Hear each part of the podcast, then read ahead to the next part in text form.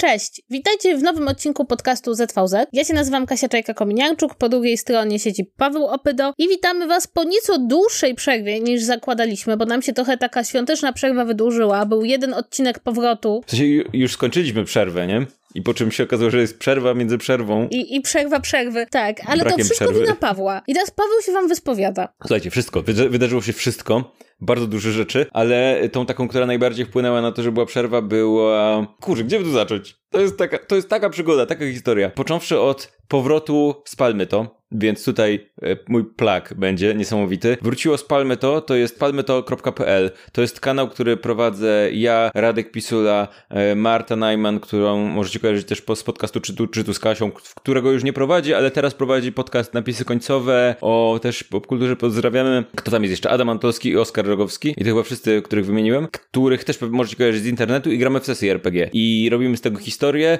Generalnie, jeżeli was nudzi granie w RPG i oglądanie tego, to sprawdźcie i tak nasz kanał, dlatego że robimy to w takiej nieco innej niż mam wrażenie większość kanałów RPGowych formie, dlatego że w bardzo zwartej, takiej y, krótkiej, dość przyjaznej, w sensie odcinki mają po półtora godziny, co wydaje się być długie jak na standard YouTube'a, ale nie jest długie jak na standard sesji RPG, które potrafią mieć 3, 4, 5, 6 godzin i odcinki tego typu formatów po tyle potrafią mieć też. My robimy to trochę w bardziej taki, no powiedziałbym, że przeznaczony dla zewnętrznego odbiorcy nie grającego w RPG sposób. I tworzymy taką historię, to jest taki w zasadzie wyobraźcie sobie serial internetowy w klimatach Herkulesa z Kevinem Sorbo, tylko bez Kevina Sorbo, który teraz jest najgorszym człowiekiem na świecie, więc to dobrze, że bez niego, ale generalnie wróciliśmy teraz po przerwie i jeżeli mielibyście jedną rzecz, jaką sprawdzić, którą, żeby zobaczyć, o, czy to mi się w ogóle spodoba, no to jedną z tych rzeczy, które e, stworzyliśmy ostatnio był One Shot 8 stóp pod ziemią, to jest taki półtora godzinny,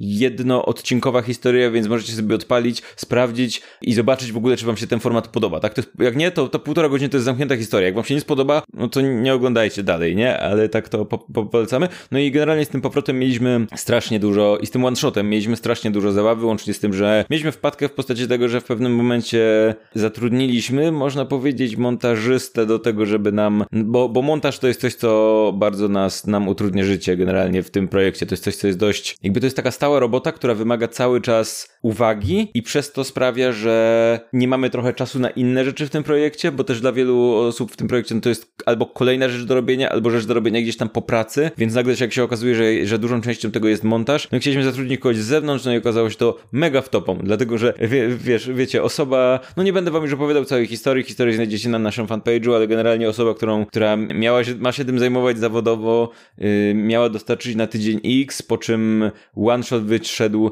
bodajże z trzytygodniowym opóźnieniem po tym, jak ja go zmontowałem, dlatego że ta osoba dawała nam kolejne terminy i przestawała się odzywać.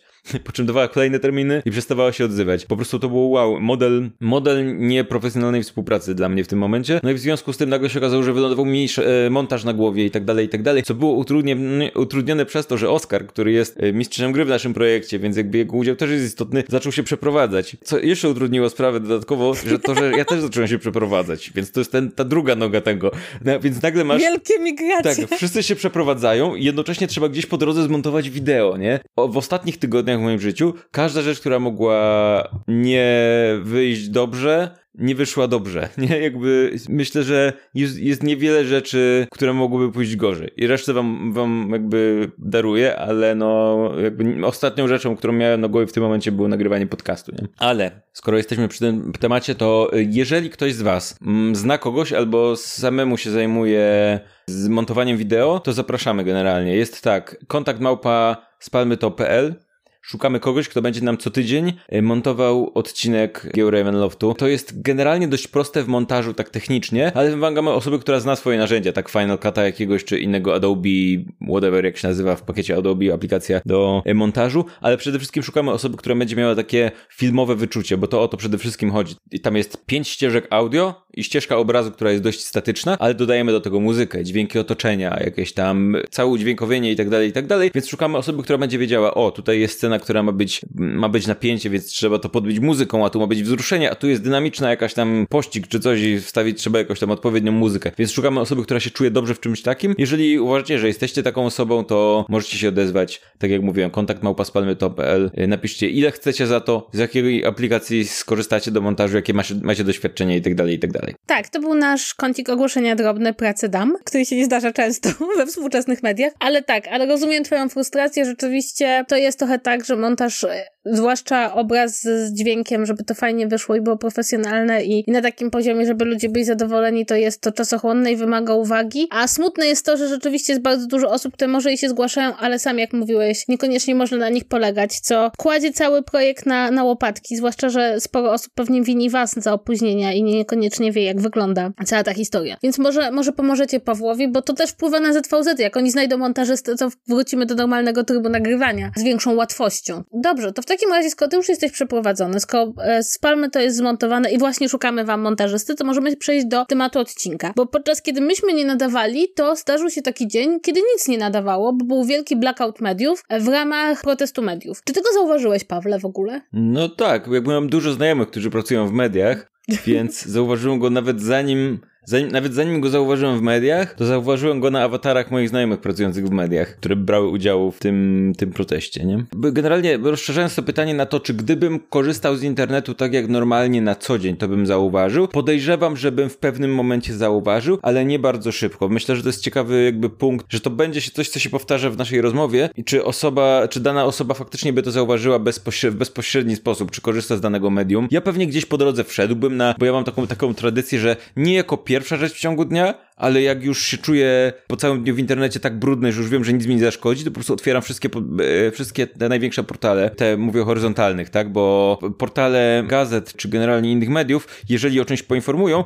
to wszyscy inni podadzą to dalej, więc wchodzę na te portale horyzontalne i patrzę po prostu jaki jest scope na, czyli wirtualną O2, czyli to jest w zasadzie jedno i drugie w tym, na tym etapie ma tego samego właściciela, Interię, Onet i gazetę i patrzę w jaki sposób informują o mniej więcej tych samych wydarzeniach albo na jakie zwracają uwagę, więc pewnie wtedy bym się zdziwił, tak? Bo wszystkie by nie działały na tym etapie, jakbym wszedł, no. No to moja historia jest taka, że to było we wtorek i ja normalnie zawsze pracuję we wtorki, a tym razem miałam urlop, więc w ogóle nie byłam w redakcji i miałam takie, hmm, wejdę na stronę polityki i zobaczę, co tam napisali, a tu nie ma strony polityki. Ja mam takie, o, strajkujemy, nie, nie, wiedziałam, nikt nie powiedział. A może to było w środę, jakoś w każdym razie nie było mnie w pracy. I nie byłam na zebraniu poprzednim, na którym prawdopodobnie o tym mówiono. Ale to brzmi jak taka najbardziej kasiowa rzecz na świecie, że protestu, wszyscy protestują, ty nikt zapomniał ci powiedzieć. Do twojej piwnicy nie dotarło memo.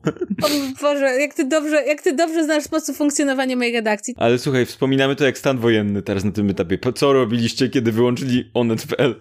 Co, co robiliście, kiedy pudelek przestał działać, nie? Troszkę się śmieję z tego, Będziemy mówić, że to nie jest śmieszne wcale tak do końca, ale no wspomnienie jak ze stanu wojennego, takiego cyfrowego. E, ale muszę powiedzieć, że jedna z rzeczy, która mnie w jakiś tam e, sposób zaskoczyła, to jest to, że z jednej strony był ten protest mediów, a z drugiej strony ludzie jakby przez to, że nie mieli dostępu do mediów, to kompletnie nie wiedzieli o co chodzi. I e, za to bardzo zresztą ocenię moją redakcję, bo moja redakcja zamknęła stronę, ale zostawiła wstępnik naszego naczelnego, który dokładnie krok po kroku tłumaczył o co chodzi w proteście mediów i dlaczego ta nowa danina w postaci podatku od reklam, czy właściwie to, to nie jest podatek do końca, jest taka niebezpieczna. I mam wrażenie, że to paradoksalnie niezrozumienie protestu mediów pokazało w pewien sposób, dlaczego media są ważne. Ale to kurczę, y, był też ten list otwarty, do którego wszyscy linkowali na tych stronach, co nie było super użyteczne, muszę przyznać, że nie było, w sensie nie było super użyteczne w takim sensie user experience, dlatego że zauważyłem, że na chyba większości tych stron po prostu trzeba było kliknąć ten napis biały na środku, a on nie był w żaden sposób oznaczony jako link, ani w żaden sposób nie było o zobacz, tu klik, nie, nie było call to action, tak? Nie było hej, kliknij tu, to przeczytasz o co chodzi, więc o ile tam chyba Onet umieścił też treść tego listu gdzieś bezpośrednio po, po prostu na tej stronie głównej, to wiem, że na wielu stronach po prostu się wyświetlał biały tekst, bez żadnej zachęci, zachęty, żeby kliknąć gdzieś dalej, więc jak nie wpadłaś na to, że musisz kliknąć w sam środek ekranu, w ten biały tekst, no to mogłaś nie dotrzeć. Już nie mówiąc o tym, że okej, okay, list otwarty może niekoniecznie jest najlepszą formą poinformowania człowieka w internecie, co się dzieje, nie? Wiesz, bo y, człowiek w internecie prawdopodobnie będzie potrzebował jakiegoś takiego naprawdę skróconej formy, nie będzie czytał kurwa listu otwartego gdzieś tam kogoś do kogoś, że ktoś listy wysyła. Co to, poeci do siebie wysyłają listy, to wtedy można poczytać czas, czasem, a nie, że tam one do kogoś, do Morawieckiego, nie? Więc spoko. No i plus, nie, nie mówiąc już o tym, że duża część tego protestu, no to była na przykład kwestia telewizji, tak? Że w telewizji też szedł czarny ekran, no to wtedy to już w ogóle, tak? Odpalasz telewizję, masz czarny ekran, nie wiesz o co chodzi. Mama Asi dzwoniła do niej i mówi, że jej się telewizor zepsuł, nie? No więc dlatego ja bardzo ceniłam e, mój tygodnik, który rzeczywiście mieliśmy taki wstępniak naszego naczelnego, który nie był tym listem otwartym, tylko tłumaczył tak trochę krok po kroku o co chodzi i dlaczego to budzi niepokój i jak to zostało przygotowane i w kogo najbardziej celuje. Wydaje mi się, że to był właśnie bardzo dobry krok, dlatego też, że jest jeszcze jedna kwestia. List otwarty, kiedy jedni piszą do drugich, to tak, po pierwsze czytelnik jest jakby wyrzucony poza tą korespondencję, tak? Nikt nie mówi do niego, tylko media mówią do władzy, a on sobie może to poczytać. A po drugie mam wrażenie, że to tworzy wtedy takie wrażenie, my media bronimy swoich interesów w swoim imieniu. No co oczywiście może prowadzić do tak, takiej reakcji, a tak, chodzi wam o wasze interesy, nie chcecie płacić, a nie o zrozumienie, jakie mechanizmy za tym stoją do końca. Więc dlatego wydaje mi się, że ten wstępniak był bardzo dobry, zresztą możemy go chyba w opisie podlinkować ewentualnie. Natomiast dla mnie porażające było to nawet, że nie tylko samego tego podatku czy daniny nie, nie, nie wszystkie osoby zrozumiały, bo on jest dosyć specyficzny, prawda? Jakby jest to propozycja, w związku z tym nie ma dokładnych zasad, co zresztą prawnicy potem następnego dnia bardzo analizowali, że tak jak on w tej propozycji jest, jest kompletnie bez sensu. E, natomiast poraziło mnie to, jak wiele osób nie do końca zrozumiało, jaka jest rola niezależnych od władzy mediów w państwie demokratycznym. Co nie jest super nową rzeczą. Generalnie, okej, okay, za chwilę pewnie powiemy też o co chodziło mniej więcej, bo to podejrzewam, że ktoś może tego słuchać na przykład w przyszłości. Może, może mamy, jeżeli ktoś tego słucha w przyszłości, za kilka lat, to super, to ekstra, słuchaj.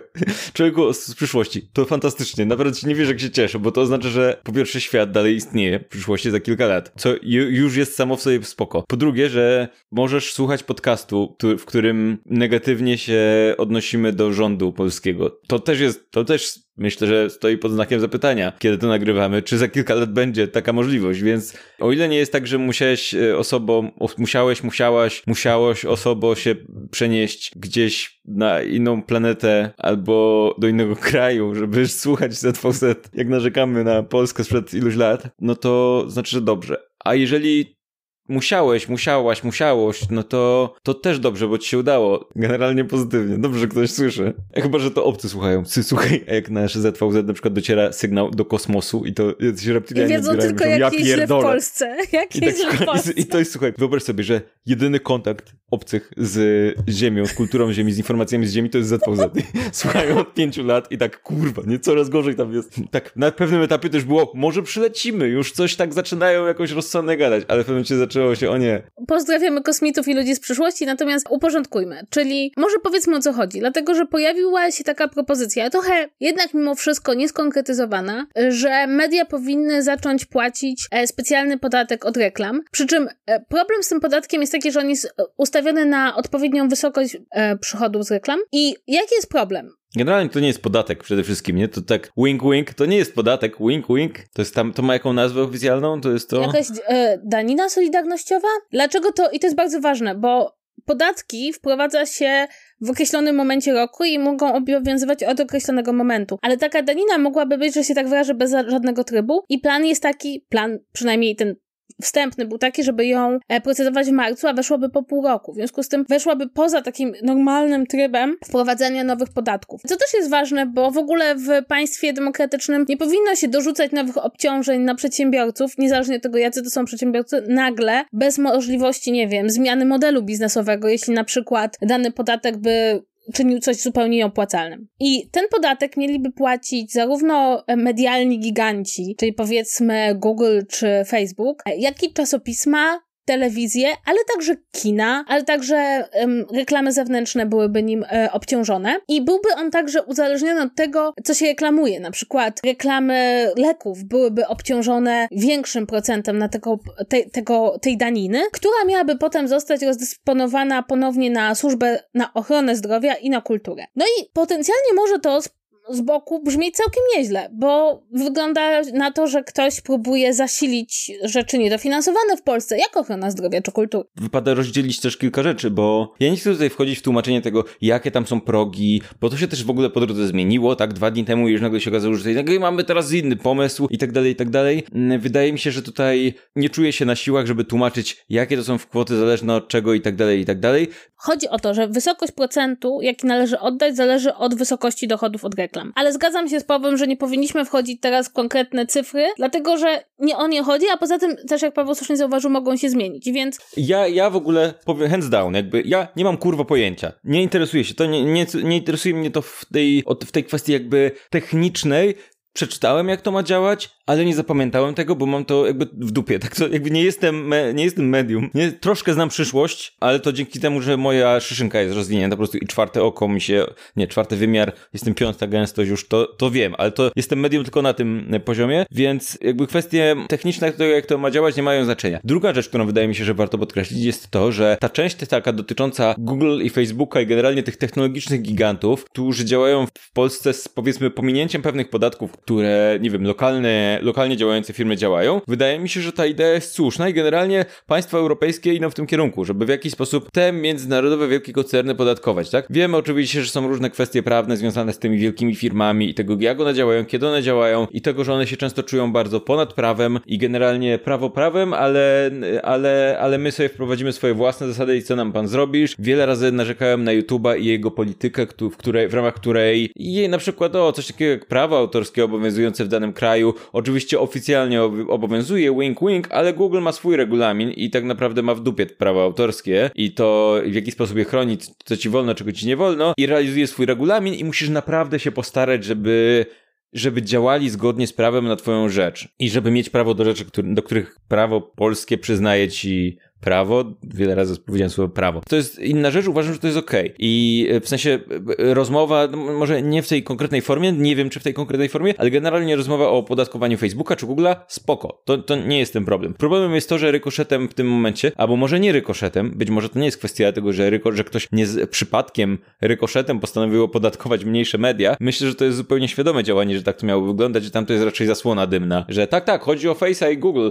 To, że dostają małe, mniejsze, średnie też media, duże, małe, średnie, wszystkie yy, przy okazji, no to oj, oj, oj, przecież zdarzyło się. Więc jakby to są rzeczy, które chciałem podkreślić na starcie. To, że nie znamy się na matematycznych kwestiach tego podatku i że nie rozmawiamy w tym momencie o opodatkowaniu social mediów. Nie, nie jest tak, że uważamy, że social media nie mogą być opodatkowane. Tak, zwłaszcza, że jeśli już chodzi o to, czy chodzi w tej ustawie o coś innego, to warto też powiedzieć, że na przykład jedną z firm, która najbardziej oberwie tak sformułowaną ustawą jest Agora, która posiada gazetę, która posiada radio, która posiada billboardy i która posiada kina. I wszystkie te podmioty musiałyby płacić podatek właśnie ten od reklam. I teraz, dlaczego w ogóle podniósł się taki szum? Nie tylko dlatego, że to dotyczy mediów, tylko dlatego, że to nie jest bez precedensu. Bardzo podobny pomysł na media pojawił się na Węgrzech. I na czym to polega?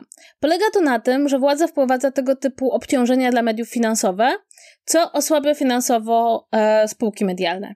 I co się dzieje, kiedy takie spółki się, są osłabione finansowo. Albo się zamykają same siebie, bo nie są w stanie e, dłużej trwać, albo można je wykupić i przejąć. Biorąc pod uwagę, że niedawno Orlen przejął Polska Press, czyli innymi słowy postawił pierwszy krok na drodze do tego, żeby poszerzać pulę mediów, które są uzależnione od spółek Skarbu Państwa, a co za tym idzie od polityki partyjnej, to jest uzasadniona obawa, że tego typu dodatkowe obciążenie w momencie, kiedy spadają przychody z reklam, jest pandemia, więc ogólnie też, ogólnie ludzie nie chodzą do kiosków, ale także ludzie nie kupują reklam, bo po prostu jest, jest kryzys, to osłabiamy finansowo media i potem możemy nie tylko doprowadzić do tego, żeby one się zamknęły, ale także je wykupywać i przejmować e, na rzecz państwa. I coś takiego zdarzyło się na Węgrzech. Co więcej, te media, które istnieją, świadome tego zagrożenia, że jeśli podpadną, mogą zostać wykupione, także mogą zmienić swój sposób przekazywania informacji. Ja chciałabym wam pokazać doskonały przykład, jakim jest Polsat, który e, bardzo chciał zrobić różne interesy w państwie PiS i żeby zrobić różne interesy w państwie PiS,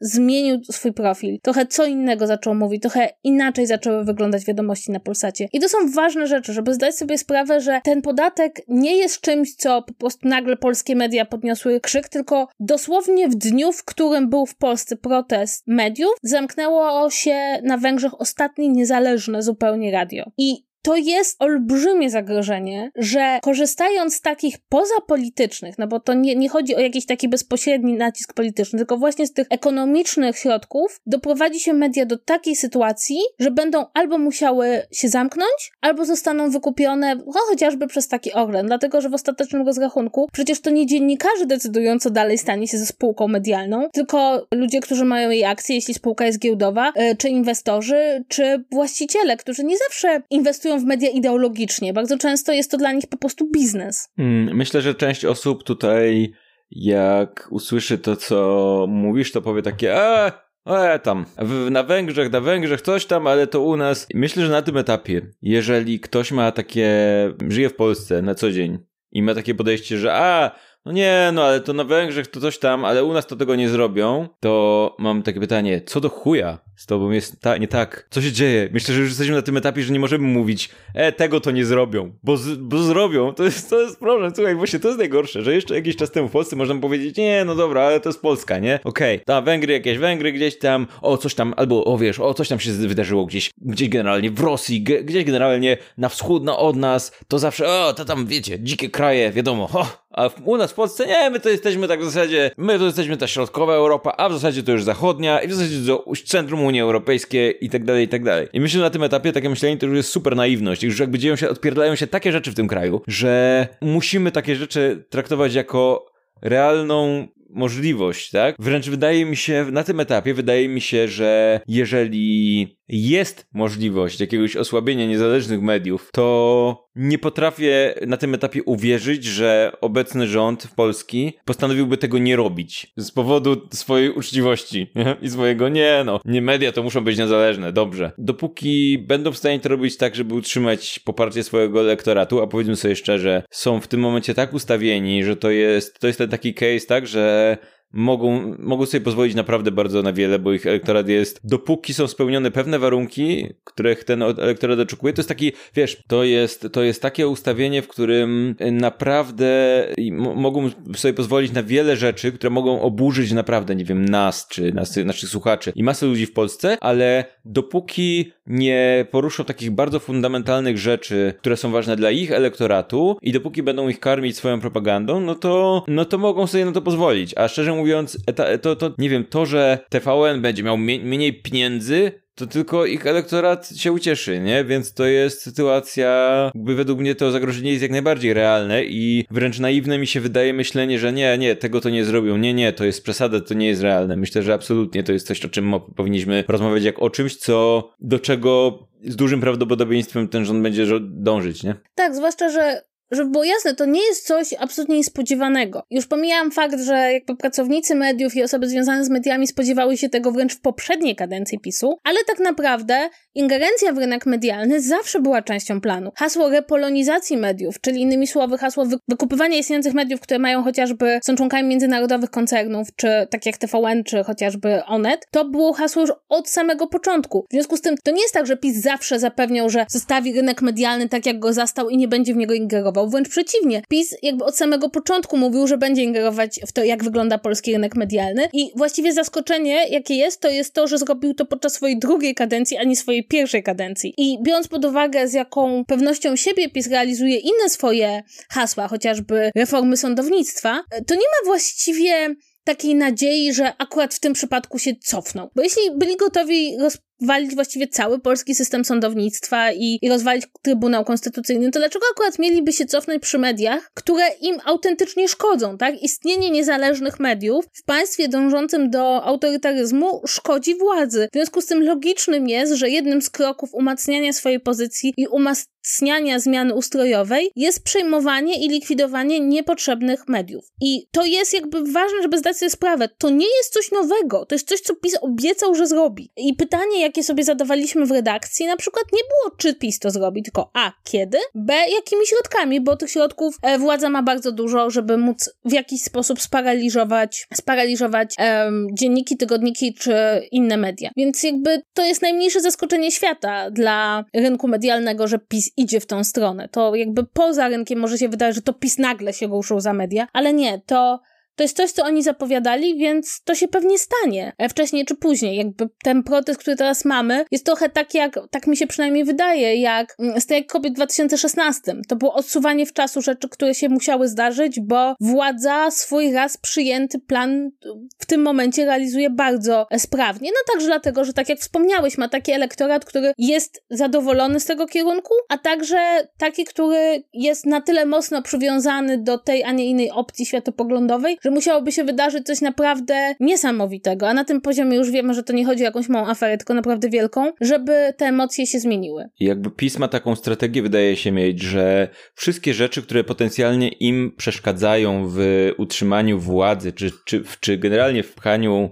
y, w kierunku autorytaryzmu Polski, starają się u swojego elektoratu budować jako wroga, tak? W sensie, tak naprawdę od lat w elektorat PiSu jest wlewana taka propaganda, że wszystkie te media inne niż media narodowe, no to jest zło, to jest, to są przedstawiciele innych krajów, które chcą zniszczyć Polskę i Polaków, atakują wartości rodzinne, stoją w ramię w ramię z kimś tam i tak dalej, i tak dalej, tak? Oczywiście kobiety, aborcja, LGBT, to wszystko wrogowie, wrogowie, wrogowie, tak? Więc jak dochodzi do sytuacji, w której PiS zaczyna te, jakby atakować te elementy demokratycznego państwa, które im w jakiś sposób przeszkadzają, no to ich elektorat nie mówi, ej, co wy odpierdalacie, tylko mówi, dobrze, w końcu, przecież to wrogowie narodu, tak? No i to jest, to jest jakby, wydaje mi się, że to jest stała i wyraźna strategia, jak się na to patrzy z boku. To samo było z, z sądami, jakby z, wszystko to działa w ten sposób, tak? Najpierw wciśnij swojemu elektoratowi, że dana rzecz, która ci przeszkadza, jest wrogiem narodu, przeszkadza, tak żeby on chciał, żebyś ją zniszczyć i, i potem zniszczył, tak? Podczas gdy to nie powinno tak wyglądać. Powinno być tak, że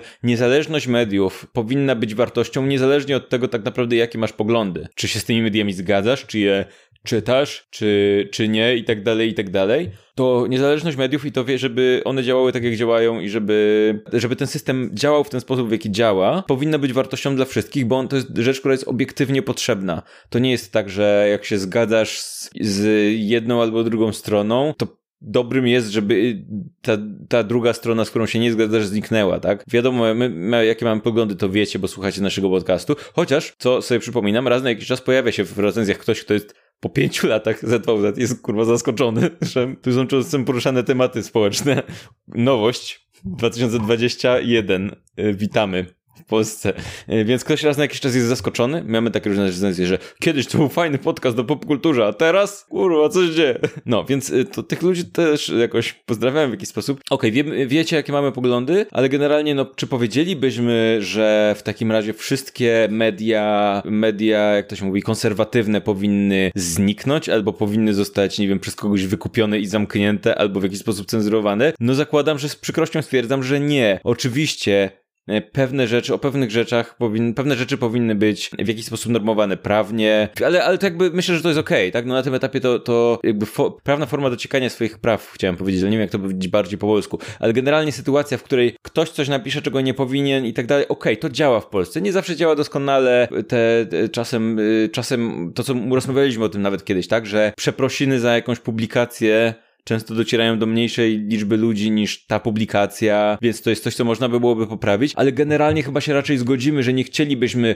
zamknięcia wszystkich mediów, które nam światopoglądowo nie pasują, tylko dlatego, że nam światopoglądowo nie pasują. One nam, nam mogą nie pasować, no ale no nie powinno to tak działać, nie? A tymczasem w drugą stronę nagle się okazuje, że to jest okej. Okay. I to jest problem, nie? Tak, to jest przerażające. Jakby, żeby było jasne, istotą niezależnych od partii rządzącej mediów w demokracji jest to, że są. Nie to, że musisz się z nimi zgadzać, czytać, nie musisz ich czytać, one nie muszą zawsze pisać tego, co chcesz, czasem mogą się zgadzać z partią rządzącą, ale są. I to jest bardzo ważne. Pomijając fakt, że dzięki niezależnym od partii mediom w ogóle docierają do nas informacje, które są niekorzystne dla rządzących albo nie są przez nich sterowane, i to mogą być informacje autentyczne, takie, które nas obchodzą albo nie obchodzą, no to druga sprawa jest też taka, że to jest pewien element takiej wolnej dyskusji dotyczącej polityki, dotyczącej tego, co się dzieje w kraju. Ja naprawdę, gdybym mogła, to osobiście zakazałabym wydawania w sieci i do rzeczy, bo dla mnie to są treści absolutnie paskudne i obrzydliwe, ale jednocześnie nie powiem, nie powinno być konserwatywnych, niezależnych od partii mediów, chociaż to jest dobry przykład, jak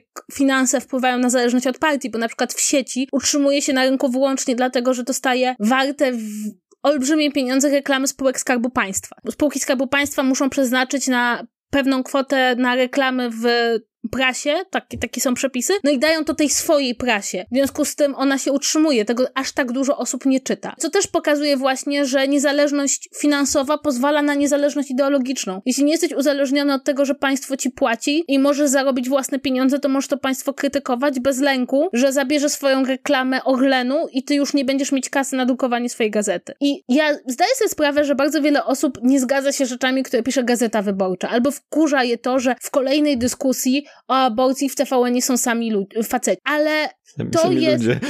ludzie, a może powiedziałam to sami ludzie. przejęzyczenie, ale są sami ludzie. Dlaczego? Reptilianie.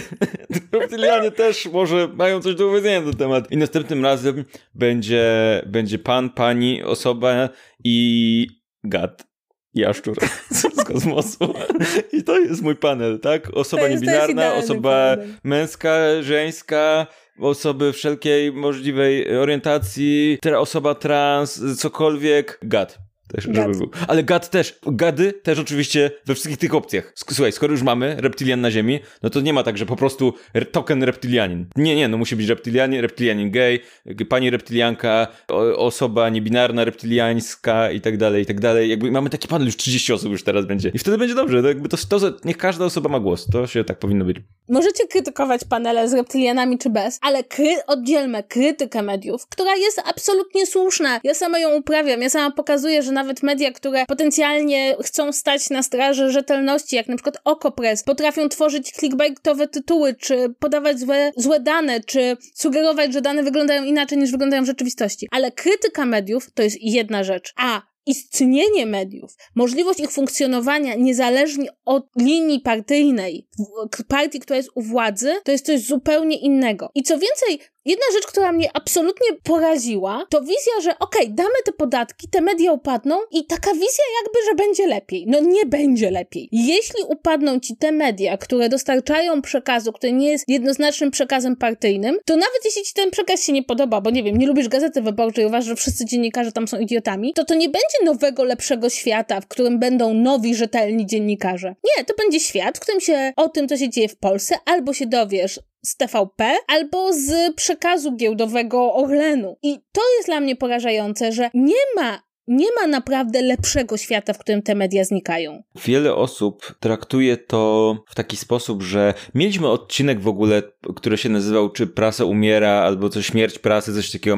Poszukajcie, by- było coś w tym rodzaju, ale i tam rozmawialiśmy o tym szerzej, więc podejrzewam, że troszkę się będziemy teraz powtarzać, backtrackować będziemy troszeczkę nasz własny podcast, ale myślę, że dla wielu osób spojrzenie na ten protest jest takie, o, ja nie wchodzę na Onet, nie wchodzę na Interię, nie wchodzę na WP, telewizji nie oglądam, no to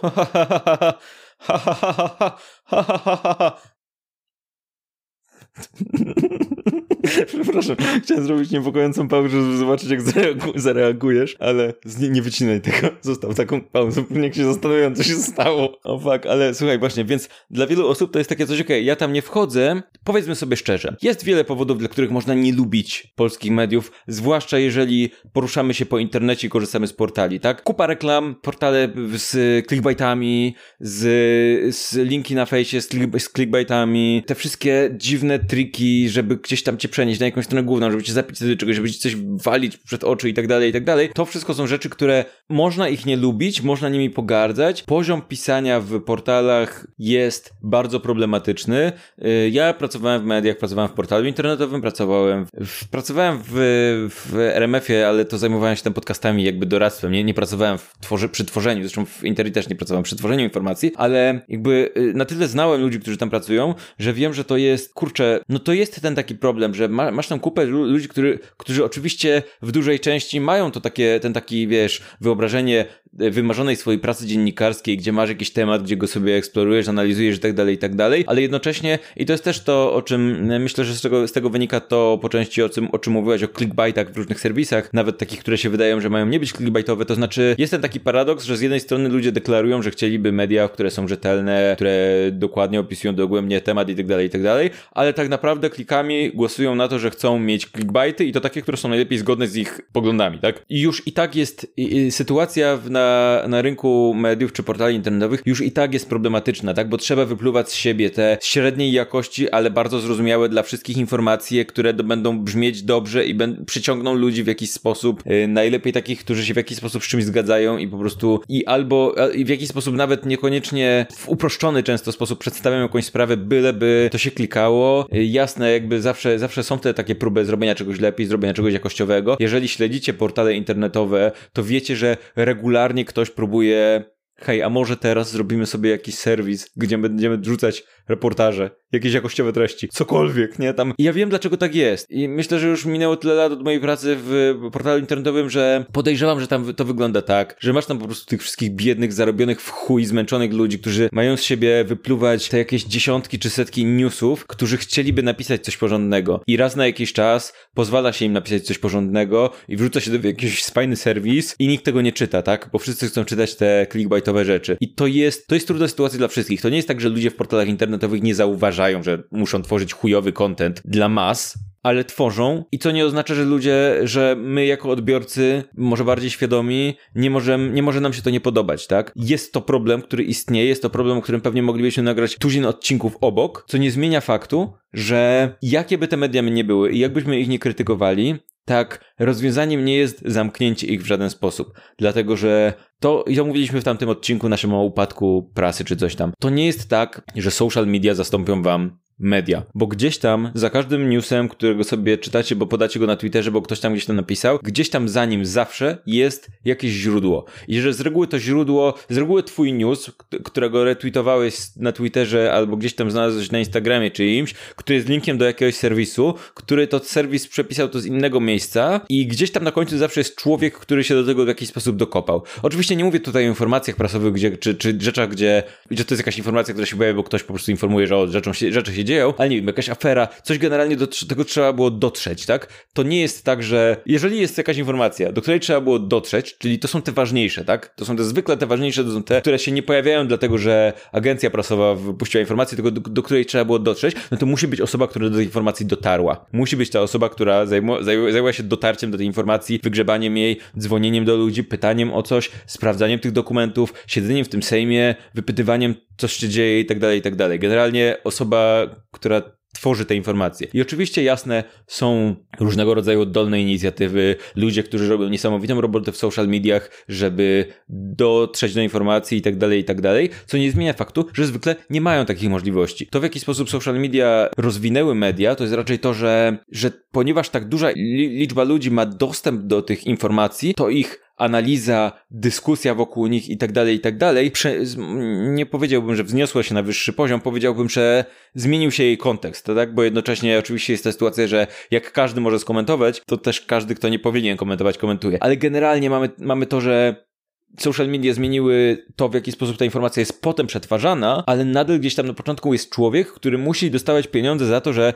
zajmuje się docieraniem do informacji. To nie jest news, to nie, to, to, że dowiadujesz się o jakiejś informacji z Twittera, to nie znaczy, że ta informacja się na tym Twitterze samoistnie pojawiła skąd się tam musiała wziąć, tak? I jakbyśmy nie oceniali tych mediów, to, to bez nich to się, cały ten system się zapadnie, tak? To nie jest, to nie jest tak, że social media nagle wejdą w tę dziurę i zaczną tworzyć informacje same z siebie, nie? Są takie rzeczy, które mam wrażenie wiele osób, które w ogóle bierze informacje z internetu, e, nie dostrzega. I to są dwie jakby części. Na przykład, jeśli słyszymy o jakichś niepokojach wewnątrz partii, czy wypowiedź jakiegoś polityka, to pamiętajcie, że tam zawsze ktoś musiał być. Ktoś musiał mieć kontakty do tych polityków, ktoś musiał do, podrążyć, ktoś musiał podsunąć ten mikrofon i zadać to pytanie, na które polityk odpowiedział, na przykład kompromitując się. Jeśli nie ma tego mikrofonu, nie ma tej wypowiedzi, nikt tego nie napisze na Twitterze. No, czekaj, czekaj, czekaj. Politycy akurat na Twitterze napiszą rzeczy, które ich kompromitują te, bez żadnego no tak, problemu. ale, ale chodzi mi raczej o to, że wiesz, że jeśli ktoś nie zada pytania na konferencji prasowej, to ono nie padnie. Jeśli jest to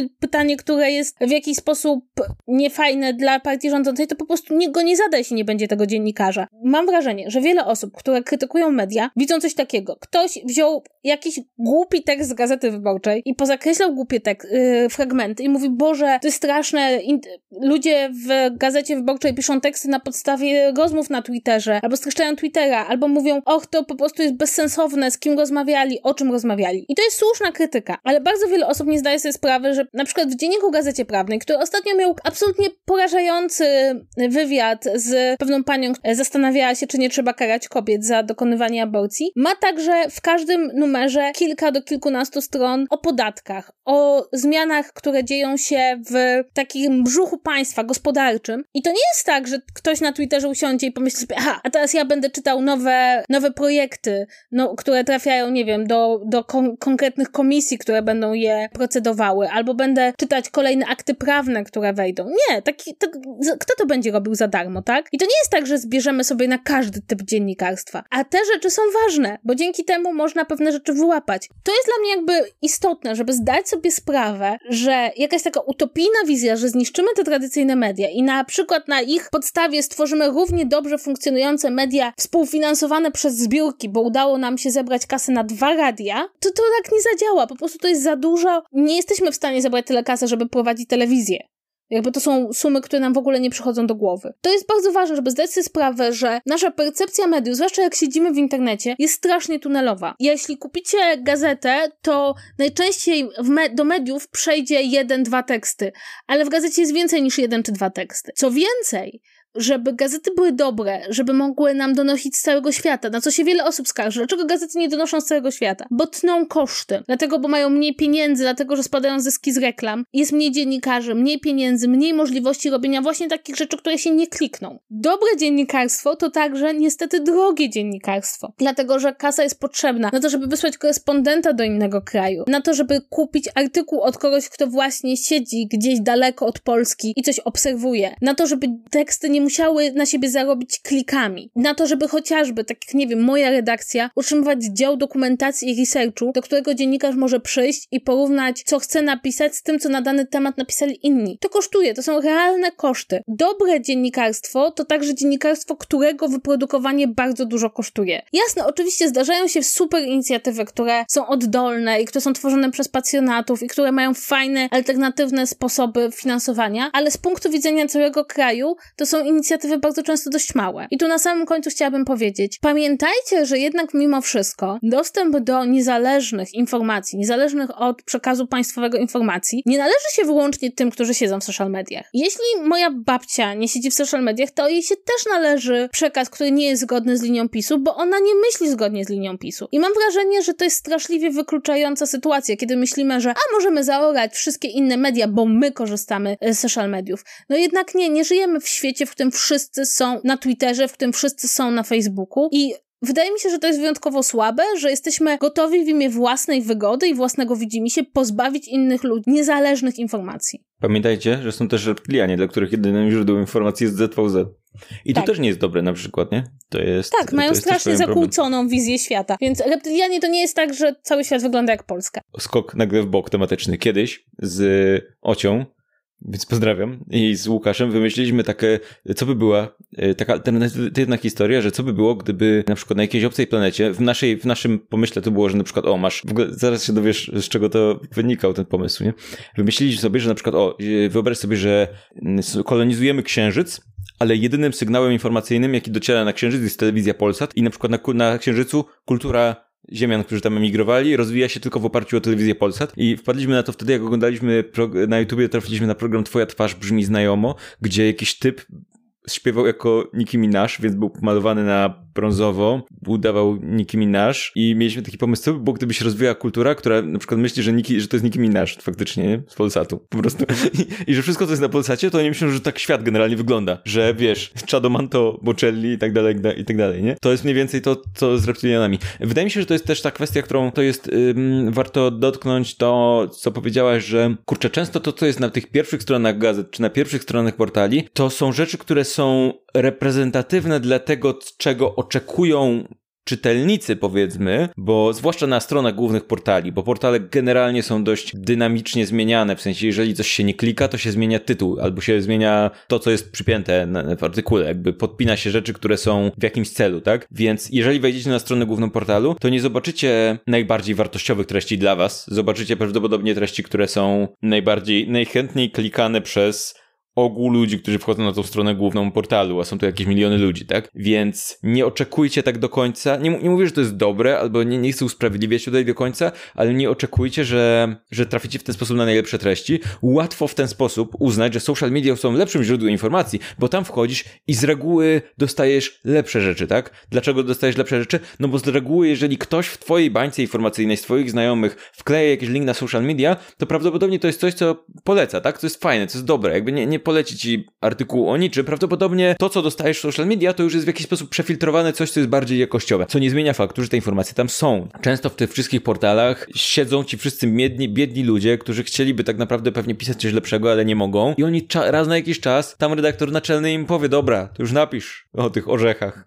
To jest twoja pasja. Od trzech miesięcy robisz research o handlarzach orzechów w Radomiu. Napi napisz, nie? I on wtedy pisze, tego to nie trafi na stronę główną, ale to tam jest, tak? Więc generalnie też polecam, nie mówię, że po raz kolejny, nie chcę usprawiedliwiać i nie mówię, że, nie wiem, portale czy media nie zasługują na krytykę, ale nie oceniajcie też tego, że to, co wejdziesz i jest na stronie głównej, to jest jedyne, co ci ludzie są w stanie wyprodukować i co ci ludzie są w stanie zrobić i do czego ci dziennikarze są w stanie, są, są zdolni, że to jest jedyne, nic więcej nie są w stanie zrobić, nie? Ja bym jeszcze dodała jedną rzecz, której jakby często nie bierzemy pod uwagę, bo ja na przykład teraz napisałam książkę, książkę, którą promuję w mediach. No bo jasne, mogę ją promować ile chcę w social mediach i na moich jakby stronach i na stronach wydawnictwa, ale tradycyjne media to jest jednak wciąż takie miejsce, gdzie bardzo dużo osób dowiaduje się o nowych rzeczach. I wyobraźcie sobie, że nie ma niezależnych od od władzy mediów, a ty masz coś kulturalnego, czy sam jesteś taką osobą, która krytykuje władzę. I w tym momencie nie jesteś się w stanie przebić. I to też jest jakby warto zapamiętać, że media nie służą tylko przekazywaniu informacji politycznych, które mogą się wam bardziej czy mniej spodobać, ale chociażby media są nieodłącznym punktem promowania dzieł kultury. I to nie jest tak, że tutaj social media to zastąpią. Sorry, nieważne jak wysoko, nie wiem, cenicie Facebooka, Twittera czy Instagrama, więcej osób dowie się o mojej książce, jak pójdę do Dzień Dobry TVN. I oczywiście to nie chodzi o to, że moja książka jest najważniejsza na świecie, czy jest antysystemowa, tylko raczej chodzi o to, żeby zdać sobie sprawę, że wyeliminowanie niezależnych mediów z gry to nie jest tylko wyeliminowanie informacji o aferach, czy skandalach, czy o polityce, które nie podobają się linii władzy, ale także możliwość sterowania na przykład tego, jakie informacje o kulturze do nas docierają, jakie książki, czy jakie filmy, czy jakie programy będą się dzięki temu sprzedawały i kto będzie mógł, nie wiem, liczyć na karierę i to wpływa dalej na to, jak może wyglądać rynek także kulturowy, nie tylko informacyjny, więc to nie jest jakby tak, że to jest tylko i wyłącznie kwestia informacji o partii rządzącej, tylko jest bardzo dużo jeszcze innych funkcji, jakie media pełnią. I ja na przykład wyobrażam sobie, że gdybym nie było niezależnych mediów, tak, gdyby one upadły, czy zostały wykupione przez spółki związane z partią, no to ja bym stanęła przed taką, takim wyborem, czy chcę na przykład iść do pytania na śniadanie, promować moją książkę, a nie chcę, bo mi się nie podoba to, co się dzieje w TVP, w związku z tym nie chcę chodzić do TVP i nie chodzę do TVP. To jest jednak mimo wszystko dosyć ważny i istotny element całej tej układanki, o którym się czasem zapomina. I właśnie między innymi dlatego się zapomina, że postrzega się całe media jedynie przez to, czy na głównej stronie jest clickbaitowy tytuł, czy nie. A to nie jest cała prawda o mediach. Ja tu widzę, że nadajesz taki osobisty ton i wyobrażam sobie taki film w przyszłości, że zamykają ci piwnicę. Znaczy, że to jesteś bohaterką tego filmu, nie? Że nie. to jest i zaczyna się od tego, że zamykają ci piwnicę w redakcji, bo to do, do, tego też nawiązałaś. Redakcji nie stać na to, żeby tam wycinać rzeczy. Zamykają wycinarnię rzeczy, w której pracuje Kasia, młoda autorka książek. Nie może swojej książki o serialach musi ją promować idąc do TVP, bo już nie ma TVN-u i staje przed wyborem czy pójść do TVP, czy mieć chleb. Popadam w szaleństwo i mówię, że żyjemy w społeczeństwie. I, i strzelam do prowadzących tak, pytanie o, na śniadanie. O, to by było... o, wow, czekaj, co się nagle zrobiło lepsze? I czy będzie grał ci Jared Leto? no, no ja mam nadzieję, come on, to jest rola przynajmniej, przynajmniej Jared Leto, to będzie dobrze, no. No, więc y, to, to się zdarzy. To jest, ja to widzę, totalnie. Ja też to widzę, ja to widzę, to jest, to są, to jest przyszłość. Ale wydaje mi się, że tak podsumowując, bo już dosyć długo mówimy, to ten protest mediów, tak naprawdę, przynajmniej dla mnie, ujawnił, że w Polsce mamy dosyć duży problem w odróżnieniu tego, czym są niezależne media w samym ustroju, jakim jest demokracja, a są bardzo ważnym, istotnym i sprawdzającym elementem i tak zwaną czwartą władzą, a krytyką mediów, którą ja i Paweł uprawiamy namiętnie, bo kochamy po prostu krytykować dziennikarzy i to głównie tych niezależnych od władzy, bo tej zależnej jakby telewizji czy tych zależnych gazet nie czytamy za bardzo, ale to są dwie zupełnie różne rzeczy. Jakby nie należy ich łączyć. To jest, trzeba sobie wbić do głowy. E, przepraszam, ja jeszcze jedną rzecz muszę zrobić. Muszę zrobić małą erratę do tego, jak będzie działał ten podatek, bo właśnie sobie uświadomiłam, że myśmy nie powiedzieli jednej rzeczy bardzo ważnej. Wiele osób podnosiło sprawę, że ten podatek będzie także dotyczył państwowych spółek. W związku z tym jakby, że nie jest nie, że nie jest niesprawiedliwy, ale chciałabym tutaj zaznaczyć, że tu może zadziałać ten mechanizm, o którym mówiłam wcześniej, czyli że te straty,